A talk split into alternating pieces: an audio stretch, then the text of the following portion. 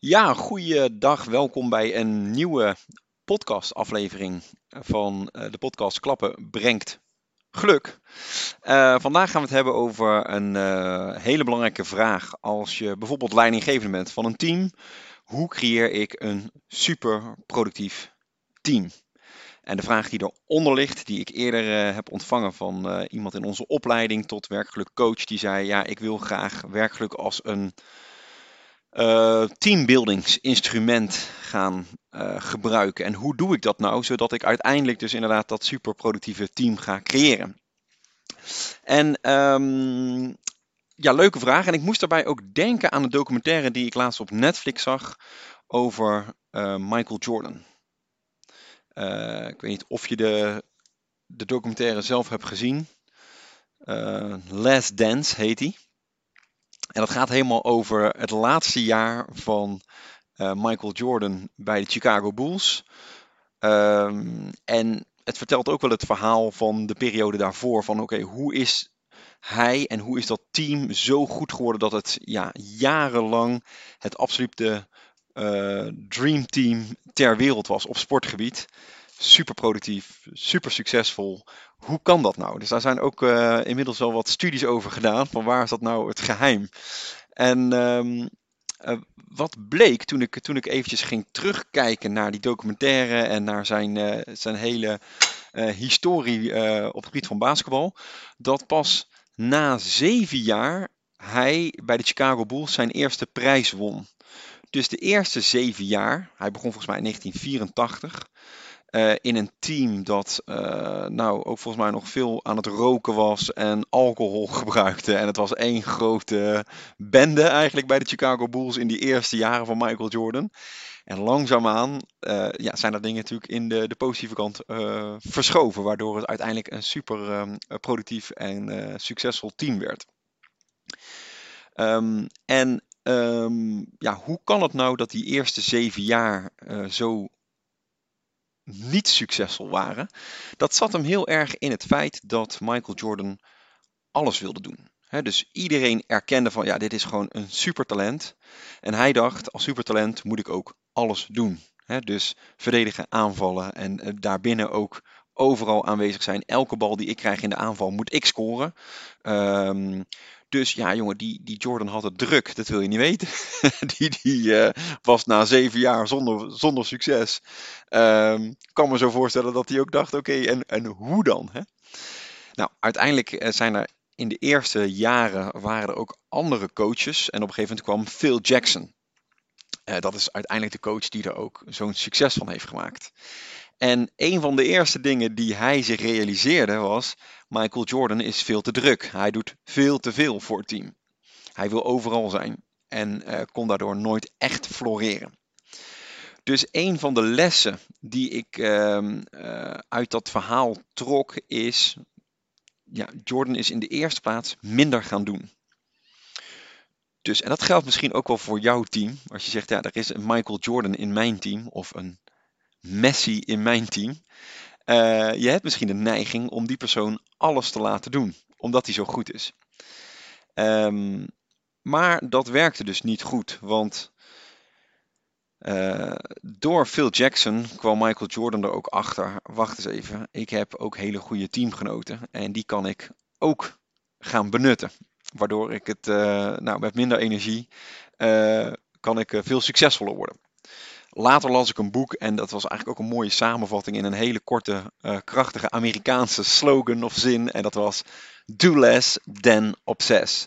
Dus het grootste verschil tussen mensen en teams die super productief zijn en redelijk succesvolle teams, of gewoon gemiddelde teams, is minder doen, minder prioriteiten en een gezonde obsessie krijgen voor het gering aantal prioriteiten wat je overhoudt.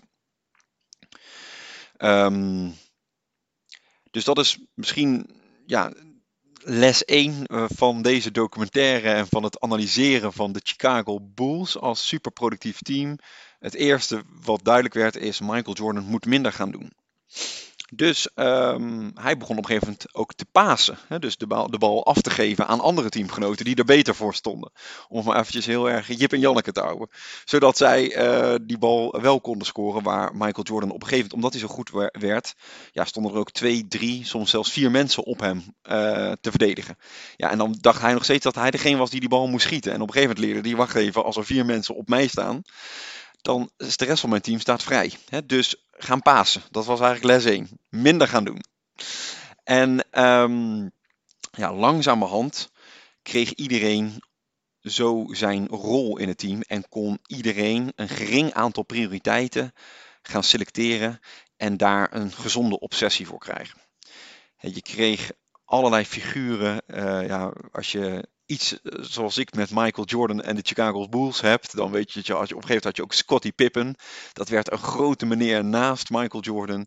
Je kreeg Dennis Rodman, die ken je misschien wel van uh, de gekke kapsels. Uh, dat een geweldige verdediger bleek te zijn.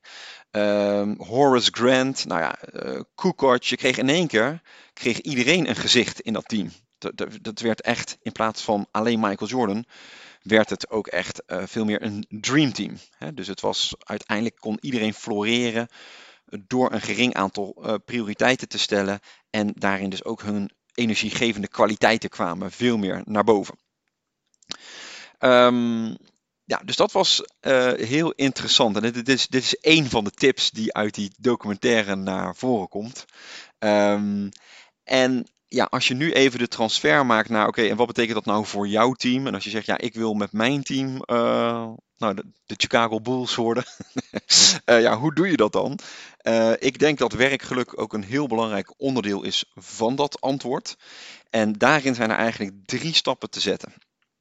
Dus als je met je team aan de slag wil met werkgeluk, zodat je en super productief, maar ook gewoon succesvol kan worden als team, dan is de eerste stap die je te zetten hebt, is het meten van werkgeluk. Dus je wil eigenlijk weten hoe staat iedereen ervoor. Um, en dat, dus ja, je, je wil weten hoe staat het met het werkgeluk. Hebben mensen plezier? Hebben mensen voldoening? Ervaren mensen zingeving in het werk? Ik denk als ze dat bij de Chicago Bulls eerder hadden gedaan, dus gemeten hoe staat iedereen ervoor, ja, dan, zal, uh, dan is het maar de vraag hoe, hoe happy het team was in de jaren dat ze niet succesvol waren. Omdat niet iedereen voldoening ervoer, niet iedereen plezier had.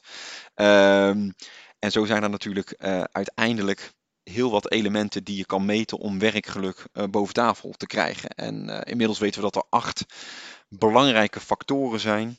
Acht happy fires, zoals Arie Pieter Veldhoen het noemt. Acht belangrijke onderdelen um, als je met werkgeluk aan de slag gaat en je wil het graag gaan meten. Um, Arie Pieter noem ik eventjes hierbij, omdat hij uh, een, een, belangrijke persoon is in Nederland uh, op het gebied van het meten van werkgeluk. En hij heeft ook een mooie bijdrage aan ons handboek werkgeluk uh, gegeven door het eerste hoofdstuk te schrijven. En dat gaat helemaal over hoe meet je werkgeluk in de organisatie. Maar dit kan je dus ook heel makkelijk zelf doen. Hè? Dus acht belangrijke uh, factoren die werkgeluk bepalen, waaronder dus plezier, voldoening, zingeving. Nou, er zijn er nog een aantal, uh, om dat te gaan meten in je team. dat, dat kan je ook gewoon heel kort met, met één vraag of met één stelling per onderdeel meten. En dat is belangrijk, want dan zie je gelijk waar wringt de schoen binnen dit team. Maar ook, wat gaat hartstikke goed? En hoe kunnen we dat ook voldoende aandacht geven, uiteraard. Dus ja, dat is stap 1, het meten. En um, vervolgens ook denk ik heel interessant om het team mee te laten denken van hé hey jongens, we zien op één punt van die acht punten die we meten dat het niet zo goed gaat. Willen jullie eens meedenken hoe kunnen we dat punt gaan vergroten? Dus neem het voorbeeld van de Chicago Bulls. Ik denk in de eerste zeven jaar dat ze niet succesvol waren, dat ze laag scoorden op voldoening. Want ja, niet iedereen kon zijn of haar kwaliteit uh, inzetten. Um, nou, als je dat meetbaar maakt, dan kan je op een gegeven moment gaan kijken, hey, hoe kunnen we dat gevoel van voldoening wel gaan creëren? Nou, dan kom je misschien tot de conclusie, laten we eens kijken waar ieder zijn sterke kant uh, zit. En kunnen we ze, uh, kan iedereen die sterke kant ook daadwerkelijk gaan benutten. Dus het kennen en benutten van je sterke kanten zou een hele interessante uitkomst kunnen zijn als je werkelijk gaat meten en daar vervolgens ook het team in laat meedenken. Dus dat is stap 1. En vervolgens ga je coachen? Ik noemde net al Phil Jackson bij de Chicago Bulls. Die was daar een meester in. Uh, op een gegeven moment zei Dennis Rodman uh, tegen de coach: Ja, ik voel aan alles dat ik een paar dagen naar Las Vegas moet. Om even helemaal los te gaan met alcohol, met drugs, uh, vrouwen, noem maar op. En waar een andere coach daar misschien geen gehoor aan gaf, wist Phil Jackson: dit moet ik doen. Want als ik hem nu laat gaan, dan komt hij uh, veel sterker uh, terug. En dat bleek ook waar te zijn. Ze moesten hem veel te laat, want hij kreeg twee dagen. Hij mocht twee dagen naar Vegas. Het werden uiteindelijk volgens mij acht dagen. Dus ze moet, op een gegeven moment moest Michael Jordan eraan te pas komen om hem weer terug te halen in het team. Uh, terug uit Las Vegas te halen. Um, maar het geeft me aan dat het coachen van medewerkers een belangrijke vaardigheid is als leidinggevende. En je moet dus ook situationeel op de persoon afgestemd um, ja, kunnen voelen en ervaren wat iemand nodig heeft. Dus coachend leiderschap uh, heeft de Chicago Bulls ook gered. Hij wist als geen ander wat, in de, wat ieder individu nodig had. En dat geldt natuurlijk ook voor jou in je team. Ik zou echt niet adviseren om ze nu allemaal naar Las Vegas te sturen. Maar bij de een mag je uh, de touwen misschien wat laten vieren. En bij de ander moet je het wat strakker aantrekken. Maar het is in ieder geval belangrijk om met elkaar in gesprek te kijken. hey, hoe sta je er nu voor? Dus het, het, het zelfbewustzijn van medewerkers te gaan vergroten. Uh, van wat, hè, hoe sta je ervoor op werkgebied? En wat kan je nou vanuit jezelf gaan doen om je situatie, je werksituatie, je werkgeluk te gaan vergroten. En wat kan ik als leidinggevende daaraan doen? De een heeft uh, wat meer waardering nodig, de ander heeft wat meer vertrouwen, wat meer ruimte nodig, zoals uh, uh, Dennis Rodman toen de tijd bij de Chicago Bulls. En um, nou, zo zie je dat dat belangrijke elementen zijn. Dus zelfbewustzijn, zelfsturing en ook als leidinggevende waardering, vertrouwen. Nou, het zijn allemaal belangrijke coach elementen, coachvaardigheden die je heel goed kan benutten. En in het verlengde daarvan natuurlijk ook uh, de Chicago Bulls werd niet één keer kampioen, maar werd op een gegeven moment vijf keer kampioen. Dus je wil ook de effecten gaan borgen voor de lange termijn. Dus dat betekent je stijl van leiderschap voor de lange termijn gaan aanpassen op zo'n manier dat het echt ondersteunend werkt aan het groepsproces. Maar soms moet je misschien ook in de organisatie de structuur wat gaan aanpassen. Hè. Dus moet je uh, kijken, kan ik het werk ook anders gaan organiseren op zo'n manier dat mensen voldoende uh, autonomie ervaren, voldoende verbinding met elkaar, uh, voldoende het gevoel hebben dat ze kunnen leren en ontwikkelen. Dus het is niet alleen de stijl van leiding geven die uh, kan zorgen voor verduurzaming van effecten. Uh, op het gebied van werkgeluk, maar ook de manier waarop je gestructureerd bent. Ik denk bijvoorbeeld, wat ik vaker hoor nog is, uh, ja, ik geef leiding aan 100 mensen, bijvoorbeeld. Hè? En um, daar schrik ik wel van. Dat ik denk, poeh, 100 mensen coachen, 100 mensen nou überhaupt hun naam weten, überhaupt hun verjaardag weten, vind ik al een hele uitdaging. Laat staan dat je ze echt goed kan coachen op werkgeluk. Dus een, een onderdeel wat daarmee samenhangt, als je het wil borgen voor de lange termijn, is ook behapbare teams. Hè? Dus de span of control ja, moet naar mijn idee ook echt terug naar. Uh, het is gevaarlijk om er aantallen aan te hangen, maar er zou eens een, een Amerikaanse leiderschapsgoeroe no double digits in teams. Hè? Dus geen dubbele aantallen in teams. Dus eigenlijk zou een team maximaal uit negen mensen mogen bestaan. En als er een tien erbij komt, ja, dan ontstaat er een nieuw team. Hè? Dus om maar aan te geven dat je, wil je mensen echt goed kunnen begeleiden en goed kunnen coachen, ja, moet je met kleine aantallen werken. En werkt een team van 100 mensen werkt niet.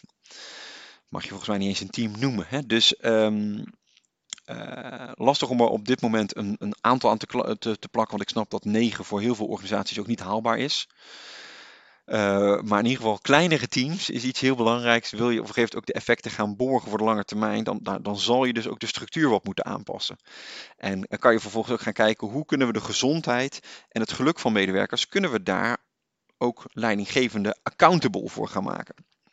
dat, dat zijn interessante manieren om ook effecten op het gebied van werkgeluk te gaan borgen voor de lange termijn. Dus anders leiding geven, anders organiseren uh, zijn interessante punten.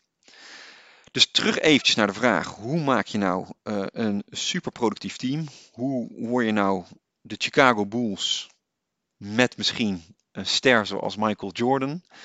Uh, het, het, het, eerste wat ik heel interessant vond om te zien is na zeven droge jaren, na zeven, um, nou dus niet de, de, de, ja, eigenlijk de zeven magere jaren kwamen uiteindelijk zeven uh, vette jaren. En de het eerste wat de coach deed uh, in dat team van, uh, van Michael Jordan was Michael Jordan minder laten doen. Dus do less than obsess. Dat is voor iedereen een gouden tip, vind ik. Uh, als je echt productief en succesvol wil zijn. Minder gaan doen. Veel minder gaan doen. En je, ehm, je focus, je aandacht hebben op een gering aantal prioriteiten. En daar ook een gezonde obsessie voor krijgen. Dus op een gegeven moment wist Jordan heel goed wat hij nog wel moest doen. En waar hij helemaal zijn energie op kon gaan zetten. En ging hij ook op een gegeven moment heel veel dingen niet meer doen. En dat deden andere teamgenoten.